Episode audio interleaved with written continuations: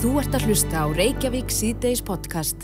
Jæja, Reykjavík síðdeis, það eru svona margar hlýðar á sótvarnamálum mm -hmm. og ekki allir á eitt sáttir, hversu langt er gengið eða skamt. Nei, einmitt. Eh, við rakkum augun, augun í áhugaverða fæslu á Facebook mm -hmm. frá Jóni Bjarnar Steinsinni, veitingamanni. Já, og eiganda Dillon. Og eiganda Dillon.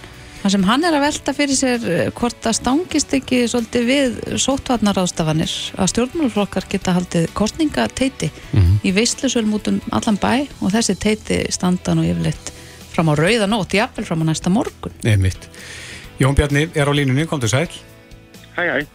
Já, þú bendir á ákveðin svona tvístínung þegar það kemur að þessum álum. Já, mér finnst þetta svona, þetta er ekki bara tvístínung, þetta líka bara skrítið. Þetta er hérna, var sett inn auka grein í regligerðinum sótvarnir, þar síðast held ég, mm -hmm. um að að enga samkvæmi og vínveitingastöðum sem er ekki að nota vínveitingalegu sitt með í standa fram til nóttu. Haldur að þetta hefur verið gert bara fyrir komandi kostningar og kostningapartí?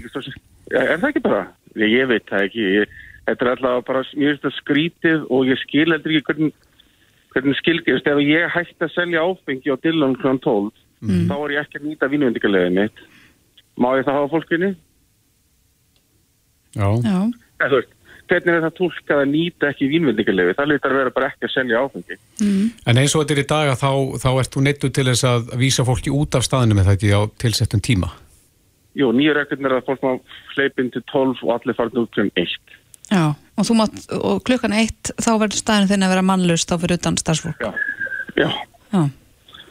Og hérna, og ég, já, mér finnst það fyrirlegt á samtíma að það er ekki djam, það verður einhver skilkring þannig að fólk er ekki að kaupa sér áfengi, þá sé það ekki djam. Mm. En ef fólk fyrir í engapartí, brúköp eða stóramæli eða kostningapartí og fær frítt áfengi eða tekur það með sér, þá er það í lægi fram til morgun. Mm. Þannig að gætir þú faktist breytt dillon til dæmis í veistlusal og gefið þar áfengi fram til nóttu eða hvað? Ég bara veit að ég var spá, ég er nú vonandi að fá leiði eh, fyrir Pablo Disco bar núna í næstu viku. Mm. Það er allt tómt, allir hittir tómar. Ég spáði hvað ég get bara haldið flöskuböll og rukka inn og fólk komið sér degi vín og haldið partí til gjör. Mm -hmm. En þú settir þessa fæslina á fjörsbókjuna, eh, hefur verið eitthvað umræða um þetta, hefur þið fengið eitthvað svör? Eitthvað aðeins sko, ég held að fólk sem bara langfæst á röfli mér á Facebook sko. En hérna, hérna já, ég fólk hefur talið mér, en það líka sett inn í lögtræðunur sko, það sem ég veist til bara skrýtt eftir síðan, ég hef alveg skilið sóftandarækjurins mm. og svona undir að síðasta hafið mér verið svona frústræðverð, en ég hef samt skilið þetta í gangi, en nú er bara komið með svolítið skrýtna stöðu að veitingastæðir sem eru með allt tipp-topp og dyrraverði og starfsfólk og nátt klósett fyrir gæsti mm -hmm. þeir eru að loka klukkan 12 en salir þar sem fólk er haustlistandi morgun, það er í lei ég, ég fatt ekki, ekki lókikina hérna. Nei, maður skildi það nú þannig upphafi að með því að takmarka opnatíma þá væri verið að takmarka snertingu og fólk er því hýfað og faðmast mikið og jafnvel þetta er einn og einn skemmtistaðsleik. Þannig að það er kannski ekki hugmyndilengur eða hvað? Ég veit ekki. Ég meina að sko að þetta er að mér höfum ég ég veit ekki mikkur, mér finnst fólk að vera fyllra þegar búsið er frítt heldur en þótt að kaupa það sko. Mm. En viltu Jón að, að þetta veri leiðrétt? Það er að segja að, að þá eins og til dæmis núna fyrir kostningarnar að það veri ekki eftir að halda parti fram eftir nóttu eða viltu breyta, breyta svo hinvegin, fá að hafa opið lengur? Ég, ég bara hvort við sem er bara að fá samræmi, þetta er bara ósangja og ég heldur líka að fólk átti sig ekkert á þessu veist, það munaði einhverjum 10-12 miljónum fyrir mér í sölu millir ágúst og júli þar sem var ágúst, júli var meðlum reglum og svo var aftur herst í ágúst. Markvældi þetta svo með öllum með hinnum börunum og veitingastöðum alland veist, þetta er ekkert grín. Við erum að tala um bara eitthvað kling. Nei. þetta er hlut sem skipta máli og það gilda lög í Íslandi, held ég, stjórnskipunalög um jafnbræði og meðalhóf. Og mér veist, sko, ég lærði nú lögfræði eitthvað tíma fyrir löngu síðan og mér veist þetta að vera mjög gráu svæði hvað það var það sko. En hefur þú hugsaður að því að þú ert nú lögmentaður að, eh, að löglærður, hefur þú hugsaður að, að láta reyna á þetta fyrir domstólum? Já, Arnar Þór, fleiri sem er mínisvöld, þeir eru með máli gangi sem búið að held ég fara fyrir dóm núna eitthvað til mann í höst sko. lítið að það bara leiði honum að klára það og svona það kemur hann til ykkur niðurstaði í það og þá ef hún er á einhvern ákveðum við þannig að það koma allir hinn og eftir ef, ef hún vinnur það má Já. Að það verður svona prófmál. Já, ég hef það, já, ég vona það ég vona að komast nógu langt til þess að verða bróma mm. Þannig að þú ætlar ekki að fara neina kostningavöku í mótmælaskinni eða hvað? Nei, ég, ég veit það ekki allavega ekki, ég ætla ekki að vera- ég er lengur hættur og lengi úti, sko Já. En, en eh, Jón, ert þú að leia staðin þinn út fyrir svona partí? Nei, En mættur það? nei, ég get í það er spurning ég, ég er með auka hætt ég get skipt og með þess að sér ynga það er spurning aðtöða það að fara að leia bara til nút fyrir yngapartí margar Mm. eða þú veist, ég, hvað, hvernig skilkennir yngapartí er það yngapartí að bjóða allir sem vilja koma í kostningapartí er það yngapartí eða er það opið partí Já, þetta er tólkunaratri. Já, það er þetta er spurningar. Ég nenni kannski ekki að svara er bara vonandi eitthvað annað að gera það. Jón Bjarni Steinsson, veitingamaður og eigandi Dillon, eh, kæra þakki fyrir þetta. Takk fyrir. Þú ert að hlusta á Reykjavík C-Days podcast. Jæja, Reykjavík síðdeis, klukkan 26 mínúti gengin í 5 og við höldum áfram yfirrið okkar yfir, já, með fullrúum og fórustumennu flokkana Já. eh, sem hafa komið hér og setið með okkur í ríflega hálftíma núna síðustu daga eh, og svarað spurningur hlustenda. Mm. Þannig að nú býðst ykkur hann úti, tækja verið þess að ringi inn og spyrja eh, gest okkar af þessu sinni, Sigmundur Davík Gunnlaugsson, formaðið miðflokksins, velkomin. Takk fyrir. Þú ert tilbúin fyrir millilega löst samband? Já, ég held að bara. Já, rétt aðeins á, á meðan að við býðum eftir fólki að, fólk er aðeins er línuna og það má geta þess að símin er 5, 6, 7, 11, 11. Svona helstu áherslumál viðflokksins. Já, þau snúa, afsakið, þau snúa því að, að við erum búin að heyra það núna í eitt og halvt ár, að við séum öll í þessu saman, þá að takast á við faraldurinn. En uppleggið hjá okkur er að það eigi að gilda líka á öðrum sviðum. Þess að við nálgumst þetta með, köllum tíu nýjum réttindum, sem að öll eiga það sameinlegt að sína fólki að við séum öll í þessu saman þegar að velgangi þá er allir njóta góðs af því en um leið að gera það að það nátt að það íti undir jákvæða kvata, meiri velmælda sköpun og, og meiri velmögun fyrir alla ég veit að þið hafi ekki tíma til þess að lusta á mig útlista þetta allt saman. Nei. En bara til þess að nú, útskýra hugsununa í þessu. Til dæmis fyrsta atriðið um það að þegar ríkisjóður er ekki með afgangi þá fái fólk til japs allir helming þess afgangs tilbaka árið eftir, endurgreitan þetta er eh, ekki bara til þess að fólk hafi meira melli handana eða geti farið meira með það sem að það á í raun heldur líka að skapa réttu kvatana fyrir ekki hvað síst stjórnmálamennin á kerfið að spara. Því að þeim hefur bara ekki tekist fram að þessu að, að spara skatt fyrir almenning sem skildi í staðin er báknið bara stækkað og, og skattar og gjöldhækkaðir, þarna verður konum með kvata á hverju ári til að fara betur með, standa fram með fyrir kjósundum árlega og þurfa annarkvort að útskýra þeir það hefur bara ekki staðið sér nú vel og það sé ekki til skiptana eða, eða sína þeir hafi, hafi náð árangri og, og, og fólk njóti þá til japs góðs að því í raun Mm. Ég með það. Svona eins og að greiða arð út úr fyrirtæki. Ja, þetta, þetta er já, þetta er svona kvata kerfi fyrir heila þjóð Já. segja. og, og all, all þessi tíu atriði uh, eru hönnu til að gera þetta tvenn sko, sína við erum Íslendingar við eigum öll að vera í þessu saman en um leið þarf útvæslan framkvæmdin að vera til þess fallin að að íta samfélagin í rétt átt Já. Eigum við ekki bara hér glóa allar línur þannig að fólk vil greinlega komast í sambandi við semendur og uh, við minnum fólk á að hafa spurningarna hnýtniðar og uh, innan marka. En uh, hver er hér, góðan dag? Já, góðan daginn. Hvað heitir þú? Margrét heiti ég. Sæl Margrét, ert þú með spurningu fyrir Sigmund?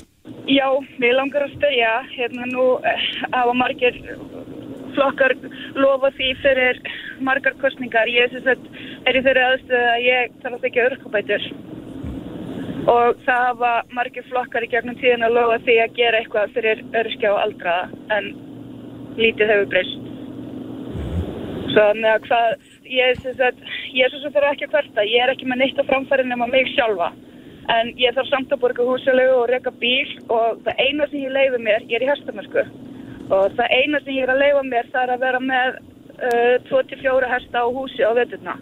Og uh, ég fæ tæp 300.000 og með því að leiða mér þetta eina áhuga mál þá ég slapp en ekki mikið meira en það Mm -hmm. Og spurningin er?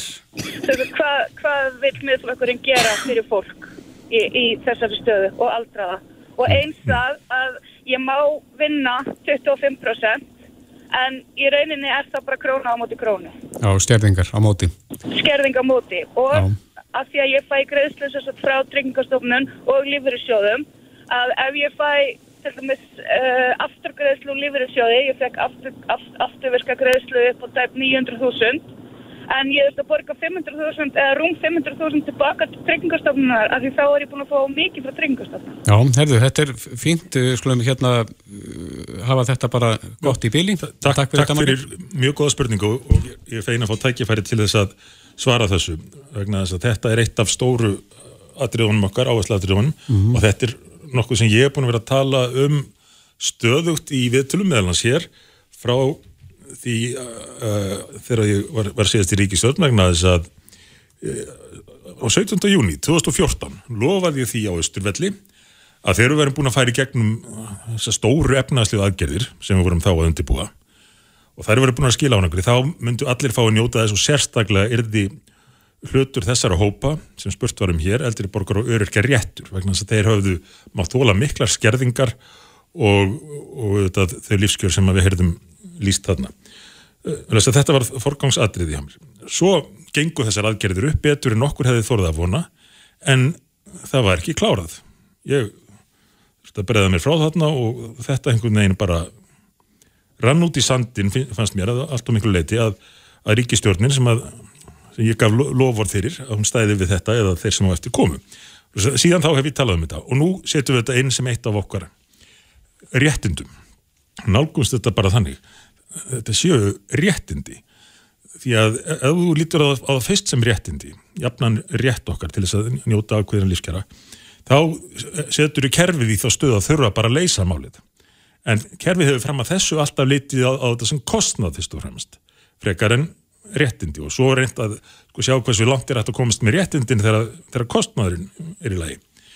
En við snúum bara dæminu við, tölum um rétt hversu eins og þess vegna leggjum við til að uh, lámaslífirir uh, verði aldrei lægri en lámaslaun, fylgi lámaslaunum og varðandi þessar skerðingar sem eru svo óskilverkar og óhagkvæmar og ósangjarnar þá leggjum við til uh, fimmföldun frítekjumarks. Að segja, við hættum með þennan, þessa neikvæðu kvata að, að þessi verið að senda alltaf þau skilaboð, jafnveg þó þú getur og viljir vinna, búa til meiri verðmætti fyrir samfélagið, greiða meiri skatt og það máttu það ekki, af því þú verður bara skertur út af markaðanum og þú heldur ekki að spara, vegna þess að þá verður bara refsað fyrir það. Þessa, þessa kvata viljum við losna við og kynum þetta sem eitt af grundvallar réttindum Íslendinga. Mm -hmm. Já, ég var að taka næsta hlustanda. Góðan daginn, hver er þar? Já, góðan daginn. Hva, hvað heitir maðurinn? Þóruður ekki ég. Þóruður. Og þú ert, með, þú ert með spurningu fyrir Simon David. Já. Mm. Já, er, hann talar um að hann ætla að gefa tilbaka á, hver, á hverju ári það sem að stendur já, það stendur eftir bara eins og, arður mm -hmm. e, til þess að það gangi allt upp hjá hann ætlar hann að hægja skatta fyrst til þess að taka þetta af fólkinu og blekja fólki með því að fyrst eru skattahækkanir. Mm. og svo kemur þetta tilbaka þannig að þú ert að tegur þetta fólkinu fyrst og borga á sig tilbaka þannig að Spur, Spurna bara millilega, millilega löst Já, ég er að spurna því en akkur og ætlar þú líka að akkur lækkar ekki bara skatta í staðan fyrir að borga út, akkur lækkar ekki bara skattin einu svona ári ef þess er að ef þessi er grundutur mm -hmm. Þetta er alveg sangja spurning og gott að fá tækifæri til að svara henni því að hugsunum með þessu er innmitt annars vegar að ná fram sparnað í ríkisrekstunum sem hefur gengið mjög illa en hins vegar að íta undir verðmændasköpun því að það er leiðin til þess að auka tekjur ríkisins. Skattlagningin sjálf og herri skattar býr ekki, bú ekki til verðmæti. Skattar eru lagðir á verðmændasköpununa og, og þess vegna á þetta að vera tvöfaldur jákvæður kvati, það njóta allir góðs af því ef að fyrirtæki hér í landinu fá viðunandi starfsumhverfi og framlega fyrir við ekki meira, borga þar á lendi meiri skatt en ekki herri skatta og, og ef að er ekki sparar. En hvers vegna þá ekki bara eins og hlustandi spurði að lækka skatta í staðin? Það er vegna þess að þá mun einfallega ríkið svona í ljósi reynslunar af lang flestum ríkistjórnum og ekki bara á Íslandi heldur við á Vesturlöndum þá mun ekki bara halda áfram að fara þeim meira fram úr í varðandi útgjöldin. Þannig að það þarf þennan tvöfalda kvata því að ríkið hefur bara sínt það eða stjórnvöld í svo langan tíma að, að þeir skortir kvatan, þeir skortir eftirlitið frá almenningi, að því að almenningur hefur ekki þess að beinu tengingu stjórnmálamenninir fyrir vikið hugsa bara sem svo erðu, já, er ekki betra að hérna hafa aðeins meiri útgjöld? Þá eru menn kannski káttir með mig en það kemur svo bara einhver setna og borgar skuldirnar. Þessu þarf að breyta með þessu kvatakerfi þannig að ríki bæði spari og íti undir verðnaldaskuldum En nú kann eitthvað að spila sig um þetta, hver er munurinn á þessari tillögu ykkar að senda tekkan heim og síðan borgara launatillögu pírata? Sko, borgara launatillagan, einmitt, er að mínum að þið stór förðulög vegna þess að hún inniheldur enga jákvæða kvata. E, megin hugsunum með þessu er í sjálfi sér ekki svo uppað sem kemur hlut hvers og eins, hún er fyrst og fremst kannski fyrir fólk mælikvarði uh, svona verðingarvottur verið að sína fólkinu hver árangur stjórnvalda var það árið uh, aðalatrið í þessu er að þetta er sá kvati sem þarf til að fara betur með skatt fyrir almennings Er þá ekki hægt á því að það veri bara dreyið úr þjónustu við þegnana? Til, til þess að, að spara Já. og skrapa kom, saman fyrir, fyrir hérna að það komi þá bara í baki og fólk annars staðar næsta desember. Nei, ég held að við höfum nú séð að stjórnmálamenn einmitt vegri sér nú frekar við því því að ég held að það myndi ekki vinna vinna það upp eða færa drag úr nöðsynleiri þjónustu myndi ekki vinna það upp þó þið næðu að, að borga einhvað smávegis desember árið þar á eftir sko. Svo leiðis að ég hef ekki ágjörð því en, en menn þurfa fyrst og fremst almenningur að fá þennan, þennan mælikvarða til þess að sjá hvernig stjórnmálamenninir eru að standa sig og líka að vera sínt svo verðing að, að allir er að taka þátt í því þegar velgengur í samfélaginu. Mm -hmm. Mm -hmm. Ég með það. Ég vil þá ekki bara taka næsta hlustanda. Góðan daginn, hver er á línunni? Já, góðan dag. Góðan daginn. Emil Hittjör, Andersen. Sæl Emil. Eh, málið er aðna, ég um, mistur nú alveg aðna, ég uh, dróð mér í útrafinu í samvætti við uh, allir lífið er svo andráða Mm -hmm. Það var búin að svara því hérna aðan að Sigmundur? Já, svo Sigmundur Erdir skrifaði grein núna í þetta dag ekki alls og lengur um uh, Íslandík sem flutti heim frá Núri mentaði maður mm. hann sagði þetta í greinni að þessi Íslandíkur hann skammaði sem fyrir að tala við kollega sína út í Núri mm -hmm. vegna þessu aðna ellilífurinn hérna væri ömlegur. Já, hvernig væri komið fram við ellilífurinn sega á Íslandi? Mm -hmm. og ég veit alveg að, að, að ég er á frendfólk út í Núri og eitt frendin sem er nú aktífur og, og, og dölur og góð, með góða heilsu, vinnur bækifröfni, hann borgar ekki, hann tapar ekki ellilífurinn sínum og hann vinni alveg fulla vinnu. Já, engin stjærðing þar.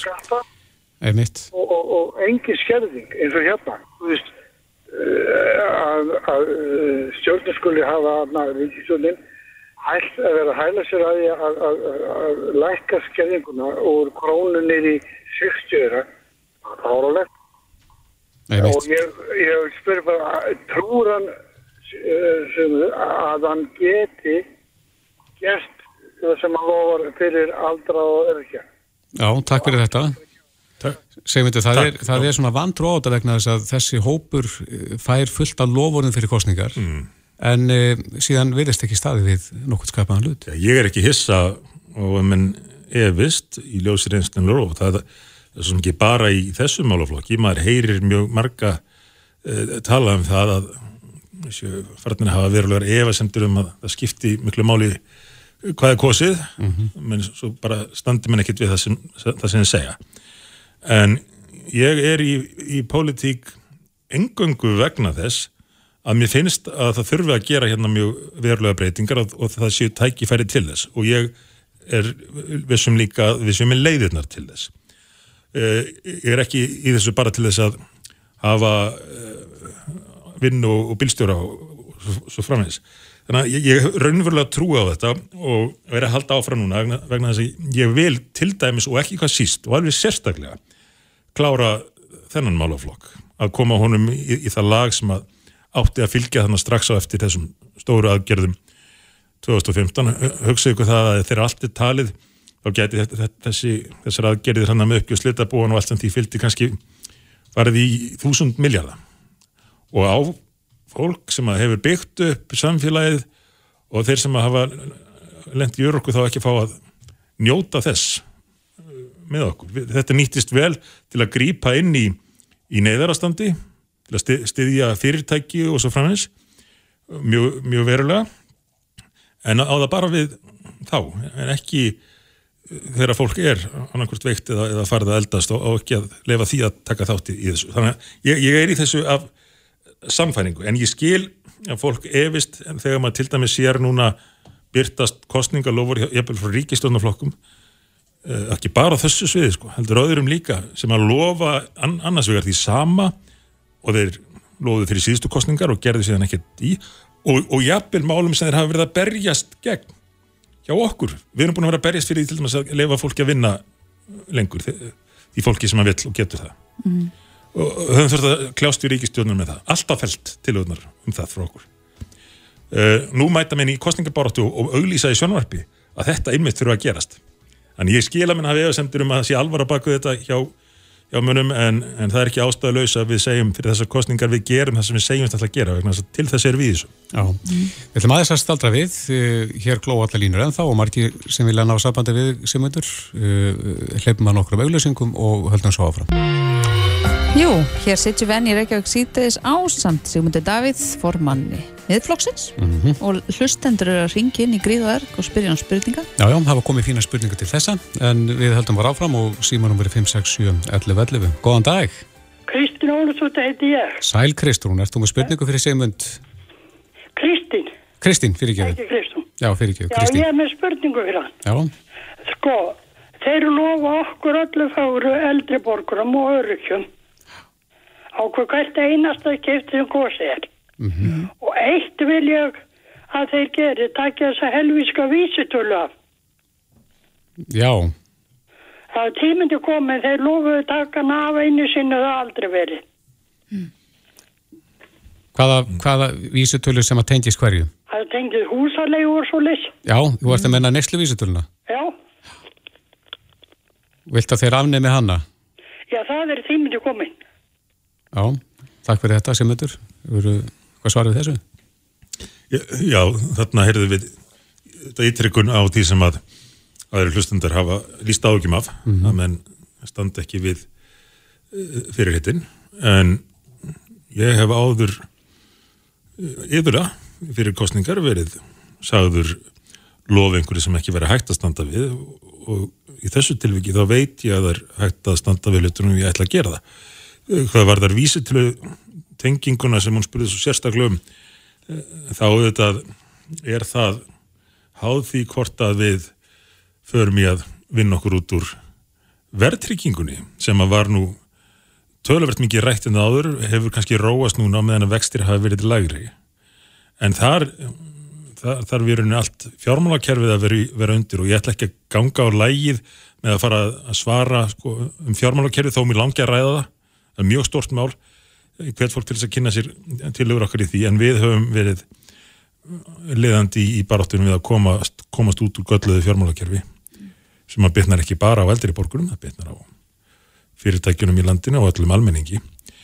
En til að, til að svara þessu nú aðrættulust já þá loðum við bara því sem við ætlum okkur að standa við og það á við hvort heldur sem er í, í fjármálum og varðandi fjármála kerfið og þau vannýttu tækifæri sem þar eru eða uh, kjör eldri borgara og öryrkja mm -hmm.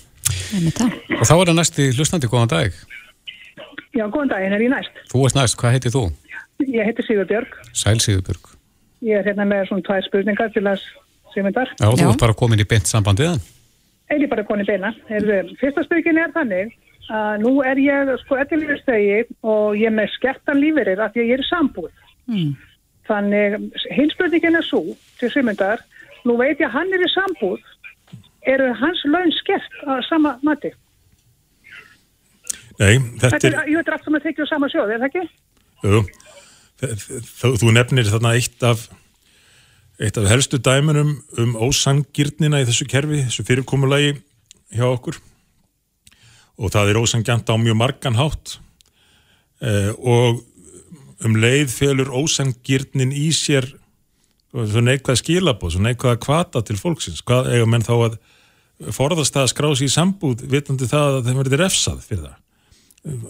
Kerfið getur ekki verið að senda fólki alltaf svona, svona raung skilabóð Eh, hugsanlega má, má verðluna menn sérstaklega fyrir eða hjálpa fólki sérstaklega við, við aðstæður sem eru sem eru sérlega erfiðar en það að skerða fólk fyrir, að, fyrir sjálfsæðar hluti uh, það þarf að afnema það og, og ég tek bara undir með þér, það er frálegt að þetta fyrirkomulag sé með smætti Já. Já. Og þetta var Sigurbjörg, en hver er hér, góðan dag? Gestur er ég. Sælgestur.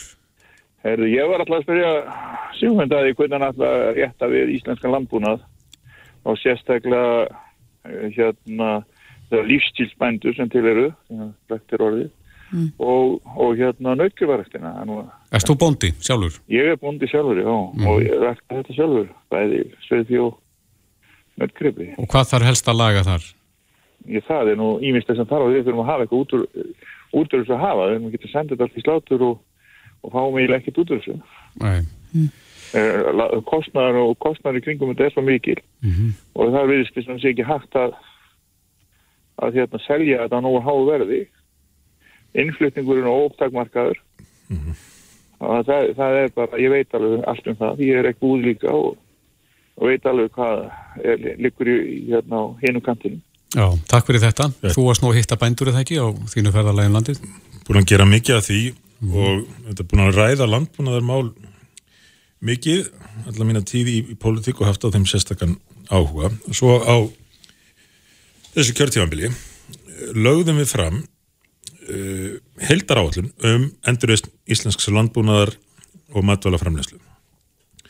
Og uh, þetta er í 24 liðum, þannig að ég næði ekki rekja það hérna fyrir klukkan 5. En hann tala sérstaklega um afverðaverðið hann? En afverðaverðir eitt og, og, og þessi mikli innflutningur sem hann nefndi líka. Vandamál greinarinnar hefur verið það að það hefur verið sótt aðinni núna úr mörgum áttum samtímis. Bara nefna örf á dæmi, þó þau séu fleiri. Í fyrsta lagi þá er stöðt verið að leifa aukin innflutning uh, uh, matvæla frá löndum þar sem þau eru framleitt jafnvel í versmiðu framleiðslu það sem ekki það sem að þurfa ekki að uppfylla öllu þau dýru skilirði sem settir á ís, íslenskan landbúnað, íslensku fjölskyldubúin þannig að þarna er sko tvöfald skökkstað, annars er verið að setja stöðugt nýjar kröfur á íslensk bú og það koma eftirlitsmenn og bóndin þarf að borga fyrir að fá eftirlitsmannin sem þó er skilda að fá og hann kemur aftur og aftur að fylgjast með því að verið að eða nógu miklu í að uppfylla kröfunar. Sami bóndi þarf svo að keppa við það sem í rauninni má, má líka við niðurgreitan innflutning og men- menn vilja bara leggja þessar vörur og jöfnu og, og ætlast til þess að það séu helst engar hömlur sem er hverjir Eh, sem nú hérna liggur á borðinu bæklingur frá viðrist þess vegna mér hugsað út í þetta. Engar hömlur á það eh, hvernig þessi samkeppni fyrir fram. Menn í öðrum stjættum myndi ekki láta bjóða sér það að til að mynda, það er því bara leift að vin, flytja hér inn vinnuafl sem að væri ekki á sömur launum og Íslands vinnuafl, þeir ekki að lúta kjara samningum að neinu öðru leiti öryggi eða neinum þeim reglum sem við setjum okkur hér og það, menn getur bara nota þetta vinnuafl til þess að keppa við innlenda vinnuaflið. Það er í rauninni svo stað sem verður að setja íslenska bændur í. Eh, Nú, hvað gerist svo til viðbótar? Það er gerður, gerður tollasamningur við uh, Evrópusambandi sem að var reyndist nú vera mjög misráðin hvað varðar hagsmunni Íslands. Það er verið að opna á innflutninga og gerilsnettum og, og ráum matvælum og menn bara yfta öxlum og, og segja já við erum bara í þessu alþjóðsamsterfi og við getum ekkert gert í þessu. Svo sér maður löndin hinn í kringum okkur sem eru nú ekki bara í, EES heldur í Evrópusambandunni sjálfu og þau bara taka af skarið þegar áþarf að halda til að verja sína hagsmunni við erum, orðin allt of hrætt við að verja fullveldið og hagsmunni landsins hvort heldur sem er hvað var það landbúnaðin eða í öðrum greinum. En, mm. en til þess að fara nú að klára að svara þessu, svo kom, komum fleirum að þetta kostar það sitt að, að halda út í innlendum landbúnaði. Allar þjóðir meira um að síðar þjóðir styrkja sinn eh, landbúnaði. Það kostar eins og er held í miklu minna en flestir halda og það sparar á móti. Förum að líta á heldarmyndina og mikilvægi landbúnaðanis fyrir allar byggðir í landinu því sem hann skilar okkur sem samfélagi og spartnaðurinn kjaldiristekjum uh, og þá sjáum en að það sem að varðir í landbúnað er ekki á mikið heldur og lítið. Mm -hmm. Við höfum uh, kannski plássur einnig viðbútt. Já, flott. Uh, góðan dag, hver er á línni? Og ég er ennþá á línni.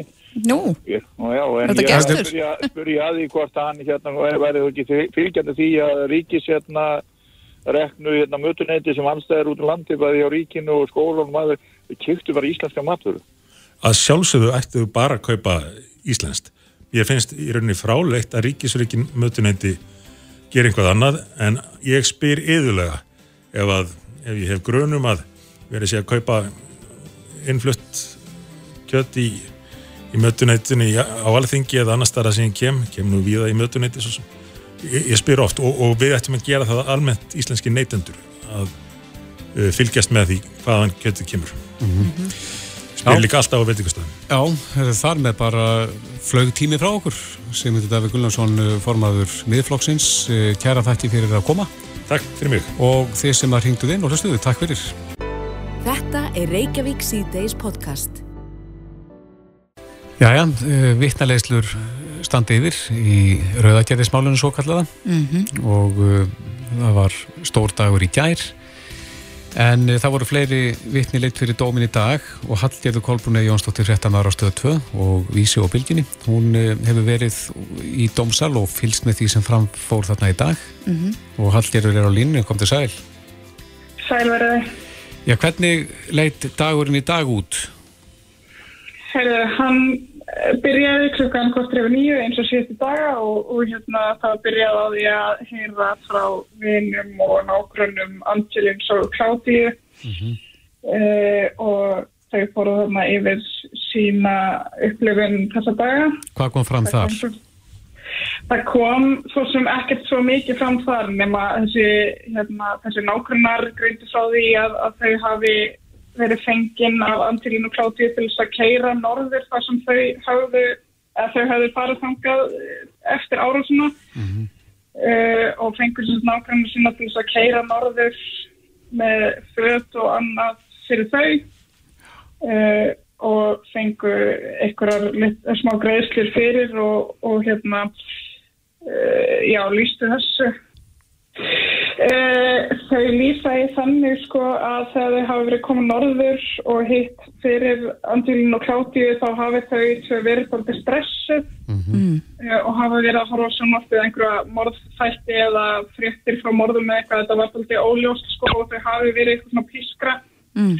uh, en það var þetta var ekkert svona skýrt þetta var svona þessi vittni komið fram í gegnum síntal frá útlundum og þetta var doldið svona óskilt þannig að mm. það var erfitt að skilja eh, En þeim fannst en þessi, svo, þessi greiði þessi langa kyrsla og taka með þessi fött þeim fannst það ekkert grunnsamlegur greiði? Nei, sko, þau leiður þarna af Angelín eitthvað herbergi og hluti af samkómlæginu við hann var að hérna, gera honum einhverja greiða, hann lísti í maður menn hafi einhvern tíman oft farið út í búð fyrir hann og keft síkaretur og svona mm. þetta virðist hafa verið einhvers eitthvað samkominuð þegar á milli að hann væri tiltækur til að gera andjuminn greiða mm. en, en uh, svo, svo kom fyrir dómin Íslendingu sem að satnum tíma í gæsluvarhaldi mitt vegna þessa máls Já, uh, það var hann Anton Kristinn Þórensson, uh, hann hérna kom hann eftir hádegi og, og hérna lísti ferð sem að hann fór í norður á söðakrókan og dagana áður, hann fór sagt á fymtudegi með konur sinna börnum og, og Antilín og fleiri félögum sínum. Mm -hmm. og þeir voru hann að í einhverju sleðaferð, snjósleðaferð. Uh, og hann sem lýsir því að, að Angelín hafi farið og hýmur menninir farið sögur á lögadeginum skyndilega uh, og hann hafi í rauninni ekkert vitað af þessum áætlinum Angelín sem ef áætlinu voru mm. en hann lýsti því á mándaginn fyrir dómi að, að hérna, uh, Armando og félagar hans hafi ætlað að sekta Anton einhverjar miljónu króna, 50 miljónu króna eða eitthvað, mm -hmm. en Anton þær tók fyrir það í dómi í dag. Það var einlega það stærsta sem kom fram í dag. Mm, ummitt. Ok, og svo var uh, eitthvað fleira sem að, það var hún líka bara vitni eiginkona Antons, ekki satt? Já, hún kom að eftir húnum og lísti í rauninni hvernig þetta hafi verið þannig að dagana eftir að Anton var handtekinn. Mm. Hann var handtekinn á mánudeginum Uh, og svo sleft einhverjum dögum setna en hún lýsir því að það hafi fallist mikið hlæðisla í þessu hún hafi verið mjög kvíðinn og, og stressuð og hafi ekki trist sér til dæmis til þess að hafa börnin sín hjá sér og það hafi verið mikið álag mm. Og þetta mál hafi um, sundrað fjölskyldunni? Já, í rauninni hún útskýraði það svo sem ekkert meira heldur um það en hún nefndi það að þetta hafi verið mjög erfitt fyrir fjölskylduna að, að Anton hafi verið uh, flektur inn í þetta mál mm. Og sagði uh, hann Anton við þessar yfirreyslur eða, eða vittnarleyslur í dag að hann hafi ekki átt neitt sögótt við þann myrta? Já, hann sagði það og, og kannast í rauninni ekkert við þessar hótanir sem að Armando vinnur hans átt að hafa átt í við Angelín, sko. Hann sagðist ekkert að hafa kannast neitt við það sem að framhefur komið hingatrill í rauninni. Nei. Og hvað, hvert er núna framhaldið í þessu máli? Uh, Vittnulegstur halda áfram á morgun, ég veit nú ekki nákvæmlega hverjir munu koma þá, uh, en þá líkur aðeins með fyrir málsins á morgun mm -hmm. uh, og málflutningur í málunu fer fram í næstu viku. Jaha, og þú stendur vaktina eða hvað? Ég stend vaktina allan á morgun og líklega eftir helgi líka. Mm. Þannig að lesendur geta áfram fylst með frettum að þessu máli á vísi.is. Já, við munum fara nánar yfir málið og vittnalegstur frá í dag á vísi og auðvitað morgun líka á eftir helgi. Já, Hallgerður Kolbrúni Jónsdóttir, frettamæður, kæra þakki fyrir þetta. Já, sömulegis. Bless. Bless. Reykjavík síðdeis á Bilginni podcast. Jæja, Reykjavík síðdeis. Nú er, skils mér, sveppa týnslu tímabilið ég er ekki alveg viss hvort það sé að verða búið eða nýhafið. Nei. Þú, veist þú það? Ég veit nánast ekkert um sveppa týnslu, ég verða að viðkynna það. Nei. En það er alltaf einn svona laumu sveppur sem vex fyrir fram á húsinu. Já, ertu búin að greina hann? Alls ekki. Þú veist ekki hvort þú meði borða? Nei, ég beiti bara sláttu vel náðan. Já, akkurat. En kemur alltaf áttur áttur. Hann kemur alltaf áttur áttur, hann er sterkur. Já, uh, Guðriður Gíða Ejólfsdóttir, sveppafræðingur hjá Náttúrfræðistofnun Íslands á Akureyri, er á línunni, kom til sæl. Sæl. Hvar eru við stött í, í sveppa týnslu tímabilinu? Já, það er nú bara, það fyrir að nálgast endin en það er ekki farið að frjósa neitt að gagna ennþá þannig að þetta getur ennst eitthvað en þá. Mm. Já, þannig að hvena byrjaði tímabilið? Það er svona oftast nær einhver tíman um meðan júli. Þá Já. það farið að búast við að, að lerkisveppur og fyrusveppur fari að stinga upp kollinum Mm -hmm. og kólubin kemur nú yfirleitt á undan þeim hann vext með byrki og síðan heldur þetta bara svona áfram og, en það er svona fer þáttið eftir rigningu og hvernig aðstæður eru hvernig Já. þetta gengur Hver, hverjar eru kjör aðstæður sveppsins? það, þeir eru nú svolítið svona uh, misjafnir, þannig að sumir þóla betur þurrk og aðrir þóla betur kulda og bleitu og svo leið. En svona almennt séð að þá þarf svona vætu svona í gegnum vorið og fram eftir sumri. Og til að gefa sveppunum kost á því að sapna næringu og forða og svo allt í einu þegar þeir eru komnið með nóg að þá ákveður, ákveður að fjölga sér. Og setja saman svona einhvern núð sem er þá byrjunin af aldinni. Og þessum búður situr eitthvað staðar nálagt yfirborðinu til, og nokkuð tilbúin til þess að hjóta upp ef að réttar aðstæður byrtast og það er voða oft eftir að rigni hressilega á, á hérna sveppina og jörðina og, og hérna síðan bara á nokkrum dögum og þá stækkar aldinnið og verður svona að því sem maður kallar svepp. Jáhá. Hvað erum við að tala um að séu margar sveppategundir hér á landi sem maður getur týnt sér til matar? Já, það er nú tvent ólíkt hvað eru margar sveppategundir á landinu og hverja það er getur týnt sér til matar sko. Mm. Þannig að með öllum, bæði litlum og stórum, að þá eru þetta eitthvað yfir 2000 tegundir. Já, Uh, já, margir þeirra eru bara svona sníkjusveppir á, á blöðblöðum á einhverju eða vinna við það að brjóta niður gamlar greinar sem hafa dottið að trjám eða í sínunni út í mýri og svona. Mhm. Þeir eru allstaðar að vinna sín verk. já, En, en síðan eru sko hluti af þessu eru hattsvettir eða þannig svona þessi mjúku Mm. og það er svona hluti af þeim sem að er ætur. hverja má ekki borða, er auðvöld að þekkja þá í, í sundur?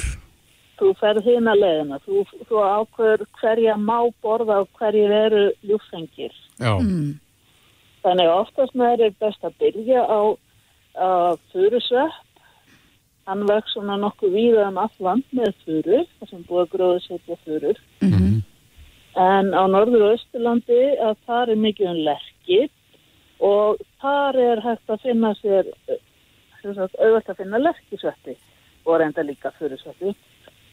Svo eru staðir eins og vestfyrir, það sem er svona hérna, kjarr og, og svona lingmóar með kannski einhverjum svona kjarrvotti í og þar eru sko aldrei fínir sveppir sko, þar vex kantarellan og, og hérna rauð þetta og kongsveppur og alls konar fínir í. Má, þetta, má þá segja að vestfyrir séu sveppa paradís Íslands? Já, það hafa verið sér allavega núna þetta árið, það ringdi þar alveg reglulega og, og maður sér sem sagt að á, í Facebook-kopnum sem ég rek, Funga Íslands, Sveppir, Ætir, eður ei, að þar er alveg úrvala myndum af fólki frá vestfjörðum að sapna svona fínum matsveppum út í móa. já, er hægt í þessum hópi, Guðriður, að, að setja inn myndir og spyrja, þannig að ef einhver finnur svepp í gardinu hjá sér, er þátt að setja mynd af hann og, og koma staði hvort það megi borða eða ekki? Ég það er aðalega að koma staði hvusla sveppur þetta er. Já, Mm. þegar maður er búin að finna upp hvað hann heitir eða svona sirka allavega að þá er hægt að fara að sjá hvort að hann er ætur eða ekki. einmitt. Mhm. En En, við gerum bæði óæta sveppi og óæta þannig þessum virðulega hóp. já, en eh, eru margir svona ofskinjunarsveppir eh, á sveimi? Um kannski tveir. Eru það þeir sem að vaksa á umferðaregjum aðalega? Veistu hvaða gróðurlandi er yfirleitt á umferðareigum? Nei, hvað? Já, hvað heldur þú? Hvað vext á umferðareigum svona? Þetta græna? Ja, grasið? Já, trjónupælan vext nefnilega í graslendi. Já, Mm. Já, það er þess vegna sem meðal annars þá finnst hún, finnst hún á umferðareigum.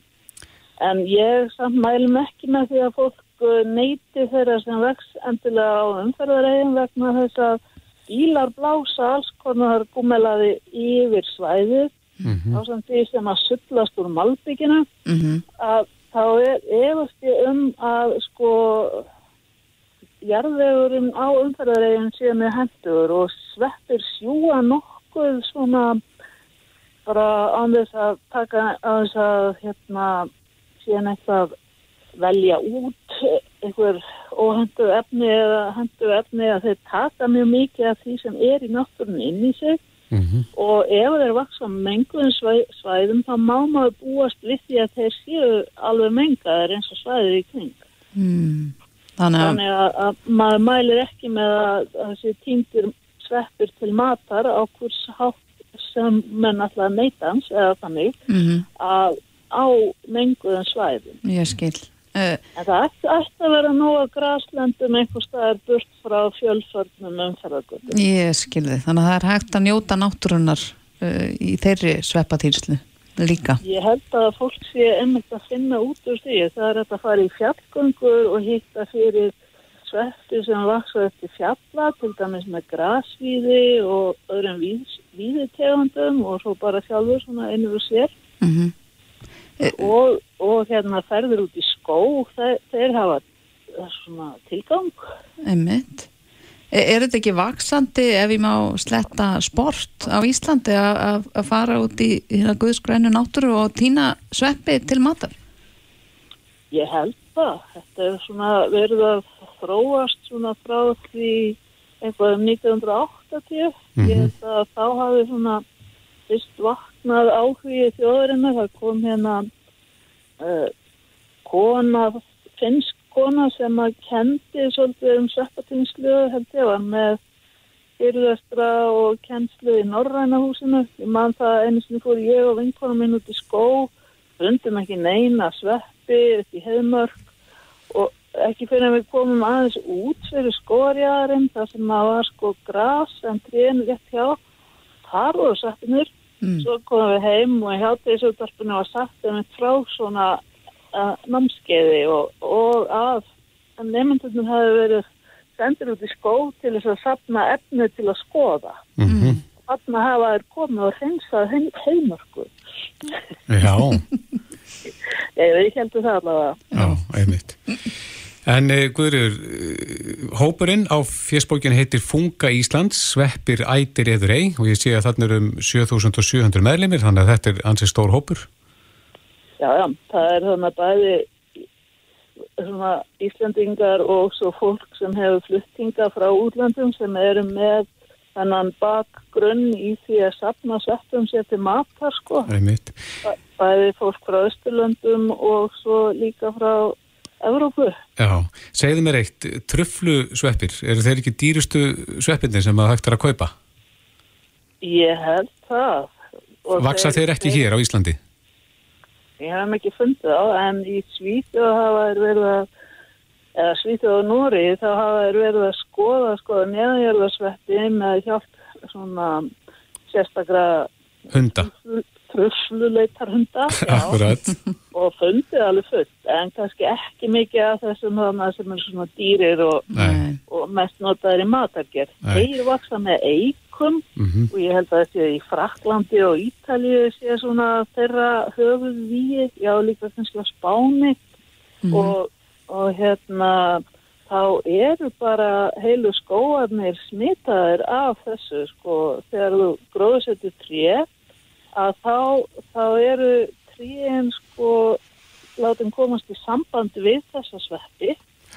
Áður en þau fara út áður en þau er plottað og síðan bara sita menn og býða þanga til að þetta kerfið tríð vex upp og þetta rótarkerfið þroskar tengslinn og, og sveppurinn fyrir að geta búið til þessi aldin sín. Já, já. Þetta hljóma spennandi, rétt kannski aðeins í lokin, Guðrjur, að því vorum að nefndum hérna ofskynjun og sveppin áðan. Já, Þú hefur náttúrulega kynst mörgum sveppum. Hefur þú uh, smakkað ofskynjun og sveppi? nei, nei, ég er bara á svona nokkuð síni. Já, nokkuð síni. Ég, ég hef, það sem ég gerir við sveppi sko, það er að undirbúa þá fyrir veru í sveppasafni náttúrufræðistofnunar. Já, og þá sko safnar maðurinn, tekur myndir, metur yfirborðið, svona áferði yfirborð, sko þetta stímur eða þurra, hreistraður eða eitthvað svona, litin og starð og lengt og allt þetta og svo skoða maður það kannski eitthvað í smásjá, smá, smásæju enkennin og reynir að finna út hvað er heita og síðan eru þau sett þurrkaðir og settir í sveppasatt þannig að ef einhver sérfræðingur á heimsvísu í einhverjum ákveðnum sveppi Mhm. við fá að skoða íslenska sveppi þá eigum við eftir vill á lager einhver síni til þess að senda í svoleiðis dæmi Já, já. og svo er þetta svona til þess að staðfesta það að við höfum fundið svepp Já, hljóma spennandi, en sveppa tímabili það fer svona ef, ef ég tók rétt eftir í byrjun það því fer að ljúka, en það hefur orðið ykkur misbrestur á, er það ekki sveppum þarna fyrir norðan og austan út af þurki í sumar? Já, uss, ég sá mér til netta að flytja hann að starfsefnum mín að sögur á land núna í byrjun september, það var ekki nokkuð svepp að hafa hér henni á mér. Nei, uppstýru brestur á sveppum.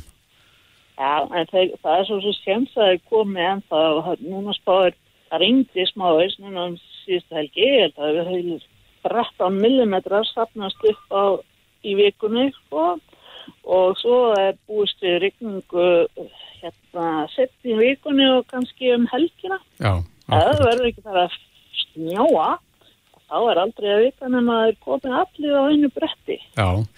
Það verður spennandi að vita hvort að það gerist. Guðriður Gíða Jólsdóttir, svepparsérfræðingur hjá Náttúrufræðistofnun Íslands á Akureyri. Takk fyrir þetta. Já, verður að góðu.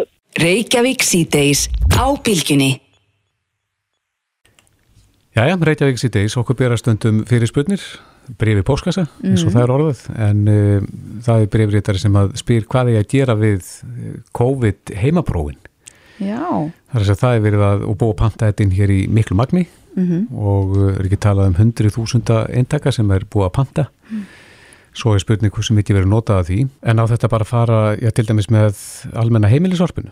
er kannski hægt að flokka þetta eitthvað? Já, það er spurning. Hvað segja sérfræðingarnir hjá Sorpu? Við erum komin í sambandið Gunnar Dóra Ólafsson, samstift og þróunarstjóra hjá Sorpu. Kom til sæl. Hæ, hæ. Já, hvað á að gera við heimaprófin? Hvernig á að farga þeim? Heru, þetta er, er rosalega áhugaverð spurning og, og varpar ljósi á, á annað áskorunarefni sem varðar kannski það hvernig, hvernig hlutir eru teknir inn á markað en til að svara, til að svara akkurat þessari spurningu þá er sennilega best að henda þessu einmitt eins og þið segið bara með almenna heimilisúrgangun. Mm. Ef þetta er til dæmis jákvætt próf þá má alveg velta því upp hvort að þetta sér hennilega sóttmengaður úrgangur og, og eins þá er, eru efni sem eru notið í þetta kannski ekki, ekki best til endurvistu og, og hugsanlegt að, að þeir sem er að taka á móti þessu hjá okkur erlendis, þeir sem taka á móti plastun okkar, þeir myndur ekki upp stóra augur þegar þeir sjá þetta og, og, þá og þetta væri þá og ég, nú, nú er ég að sömurlít að gefa mér að þetta séu plastpróf, ég ætla að játa það að ég hef aldrei tekið svona próf, ég hef Nei. það bara verið stungið upp í nefið á mér sem er annað, annað sko, önnur áskorum, maður veit ekki nákvæmlega hvað þetta er Mm. en, en, en stuttasvarið er bara að setja þetta í í gráa tunnuna með almenna rusli. Ámaður þá að henda þessu beint út í tunnu eða gera einhverja ráðstafin eða setja þetta inn í plastpoka annan eða, eða bara henda þessu beint? Ég held að það sé í sjálfu sér ekki, hafi í, í rauninni ekki úrslita áhrif Mm. með þetta. En þú talar hann um uh, hugsanlega jákvæð próf sem er þá hugsanlega sótt menguð. Nei, nei. Fer þetta eh, almenna heimilisorpi, fer það eitthvað í gegnum hendurnar á ykkur eða er þetta bara, er þessu ítt út í skurð og grafið yfir eða? Uh, Þetta er tekið í, þegar þetta kemur úr ruslabílunum, þá kemur þetta til okkar inn í guðunis, þar sem að þetta er flokkað í vélum, þannig að þetta er vélflokkað Mhm. og, og þá er það eru starffólk okkar ekki með, með hendunar í þessu og svo er það sem að, það sem að fellur í hinn og þessar áttirnar er þá tekið og, og sett á, á viðegandi staði og já, eitthvað af þessu er ennþá urðað og svo það sé nú eitthvað sem við erum að fara að hverfa frá hérna næstu árum. Mm. En þú myndist á það að það veri áskorun þegar að vörur koma inn á markað varðandi endurvinnslu. Hva, hvað áttur við með því? Sko það er það eru svona, það er misbrestur á því að fólk sem að er að flytja einn hluti eða framleiða eða markasetja að, að það horfir, að það horfa allt og fáir á það hvað verður um hlutin þegar við hættum að nota. Það fólk er ekki endilega velta fyrir sér í hvaða endurvinnslu farvegi þetta er, hversu auðvelt er að endurvinna þetta, hvert er kolumnisporið að því að framleiða þetta og, og kolumnisporið að því að endurvinna þetta. Þannig að Þannig að það má kannski nýta þetta í ákall til framleiðenda og innflytjenda um að leita sér meiri og betri ráðgjafar áður en þeir markasetja hluti um það hvað er hægt að gera við þá þegar við hættum að nota mm. -hmm. á endanum við, við hendum meira og minna eða látum frá okkur meira og minna allt sem við kaupum á einhverjum tíum þá þarf að, að meðhandla Ætti þetta að vera þá bara hluti að textanum á vörunni, þar að segja á pakningunni, hvernig á að losa sig við hlutin? það væri, já, til dæmis og, og eins hérna til að, til að skýra það hvaða er sem er í hlutunum af því sumar umbúðir eru til dæmis samsettar úr plasti og pappir, það er ekki gott. Það er betri rauninni að hafa hrein, hreinan pappir eða hrein plast. Mm. svo, svo dæmis ég tekið. Einmitt. Áhugavert. flækjustíð í þessu er nefnilega það gerir þetta svo áhugavert. Er, er, er, þetta er ekkit einfalt en þetta, en þetta er, er mjög mikilvægt að við vinnum saman í því að gera þetta betur og, og bæði auðvelda endurvinnslu en líka bara, bara neyta minna og sóa minna Þannig að þú sér þarna nýtt tækifæri í uppgangi sjálfsprófa, ef svo má segja. það getur verið Já, en svona til að svara þá upphæflegu spurninguna þá á eiga COVID heimaprófin að fara bara með almennu heimilisorpi. Já, flott er. Takk fyrir að sva- svara þessu fyrir okkur. Gunnar Dofri Ólafsson, samskipta og þrónstjóri hjá Sorpu og gangið vel með að bregða út bóðskapin um hvernig að flokka hennar ímsu umbúðir. Kæra þakk Reykjavík síðdeis á Bilginni podcast. Við höldum áfram hér í Reykjavík síðdeis á þessum ágæta miðvikudegi Mm -hmm. og upp er komin stór spurning. Spurning sem að hefur fyllt okkur um ára raðir. Já, Kók eða Pepsi? þetta er mjög stór spurning. Getur þú svarað þessari spurningu? Þetta eru tveir rísar þarna. Mm Já, ég vel korugt, ef ég á að vera alveg hreintinn í Nó. dag, sko, en uh, valdi áður kók, Já, þú varst kókmaður. að ég var kókmaður, kók Mm. í lífinu, en, en er koruð megin núna, Já. en uh, var ekki verið að gera ykkur að rannsókna þessu? Já, það er nefnilega spurning hvort að þú hefur verið kókmein í lífinu út af því að að líkaði bragðið Mm eða út af því að uh, tögakerfi saði þér að velja kók Já, út af varskins uh, áhrifum og áreiti sem markaðs uh, herrferðir kók hafa haft á því. já, við erum búið að rannsaka þetta. Já, það er maður hér á línu sem getur svarað þessu fyrir okkur og það er hann Andri Már Sigursson nemi í viðskiptafræði við Háskóla Íslands. Góðan og blessaðan daginn. Já, góðan daginn. Já, þú skrifaði rítgerð, er það ekki, og, rannsakaði málið? Það er jú, eh, ég er svo sem skoðaði rannsóknir um Já. málið. Og er það, er það raunin að getur verið að tögakerðans Kristófers hafi verið að kalla á kók?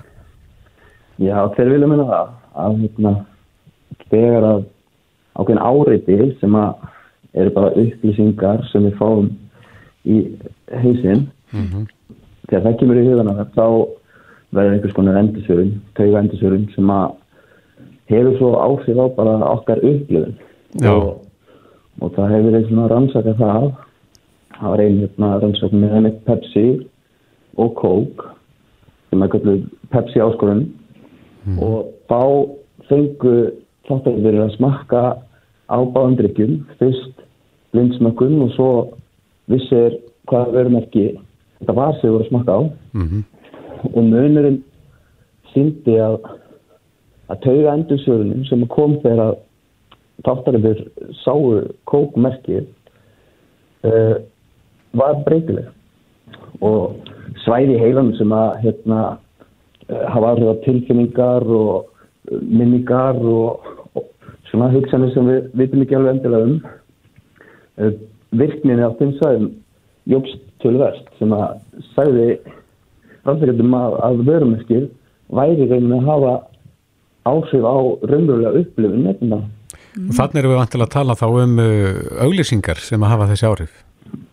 Uh, í rauninni áriti, hvers konar áriti, auðlýsingar, verð, það getur verið bara úteitt á umbúðum, þú veist, allt sem að heitir bara upplýsingar í huga okkar getur haft áhrif á í rauninni bara hvað við veljum og ákveðum. Já, þannig að þetta er allur pakkin.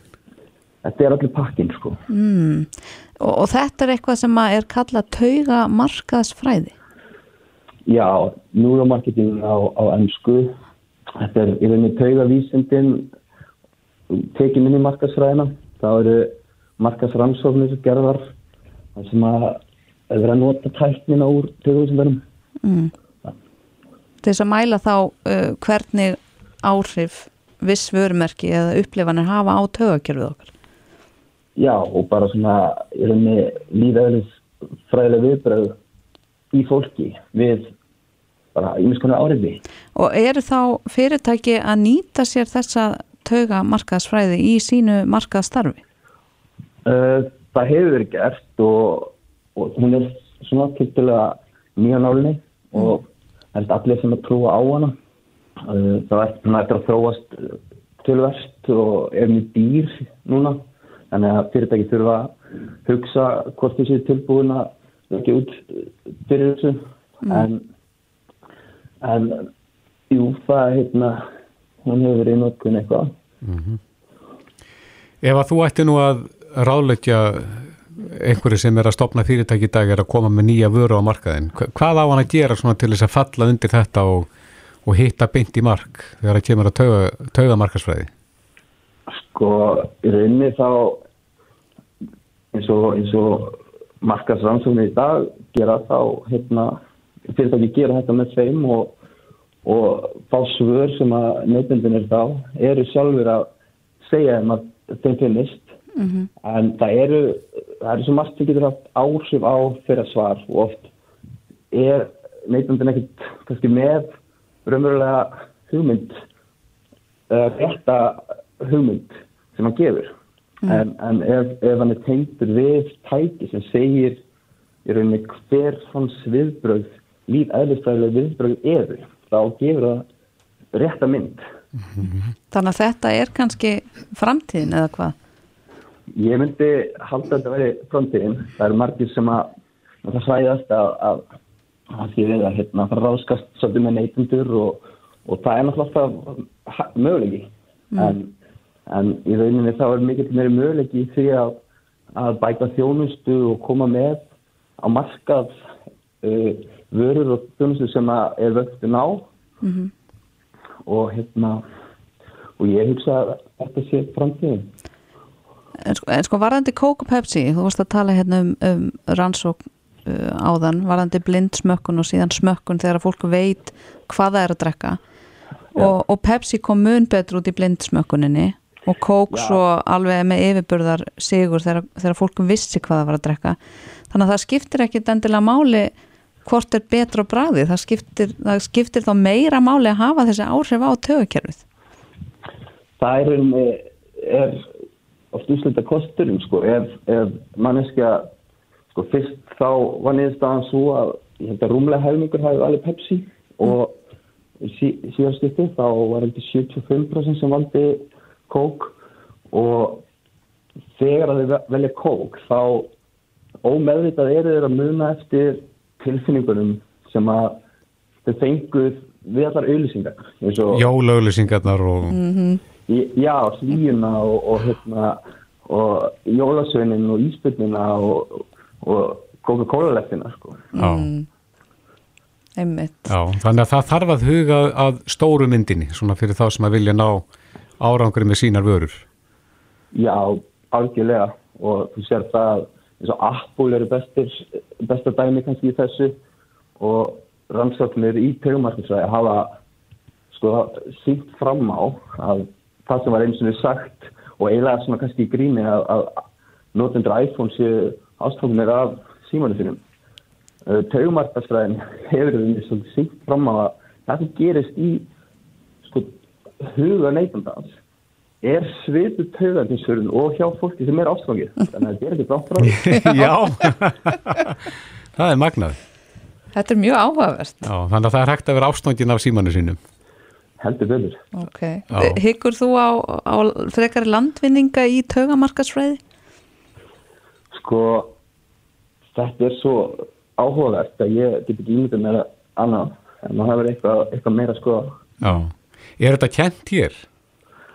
Nei, þetta er nefnilega ekki hér. Þetta er í rauninni er kent markasræðin og markasrannsóknir sem er hef, hefðuna en, en svo er þetta í rauninni svo nýlegt og þetta er ekki búið að hérna, er ekki búið að samþykja þetta náðu mikið og, og það er hægt bara, ég veit að skoða vel á netinu og, og lesa í keilum ímsa rannsóknir og fara og, nýta þar sko. Mm -hmm, en þetta er spennandi og greinilega uh, lönd að vinna þarna í, í þessum fræðum. Já, heldur yfir. Já, þeir áhuga samir geta lesið bíaritt gernaðina um kók eða pepsi og tauga markasfræði inn á skemmunni en hún er nú lokuð þar til setni hluta nómbers þannig að ég hlakka, hlakka til að opna hana þá. En uh, Andri Már Sigursson nefn í viðskiptafræði Háskóla Íslands, takk helga fyrir spjallin Takk fyrir mig Hlustaðu hvena sem er á Reykjavík C-Days podcast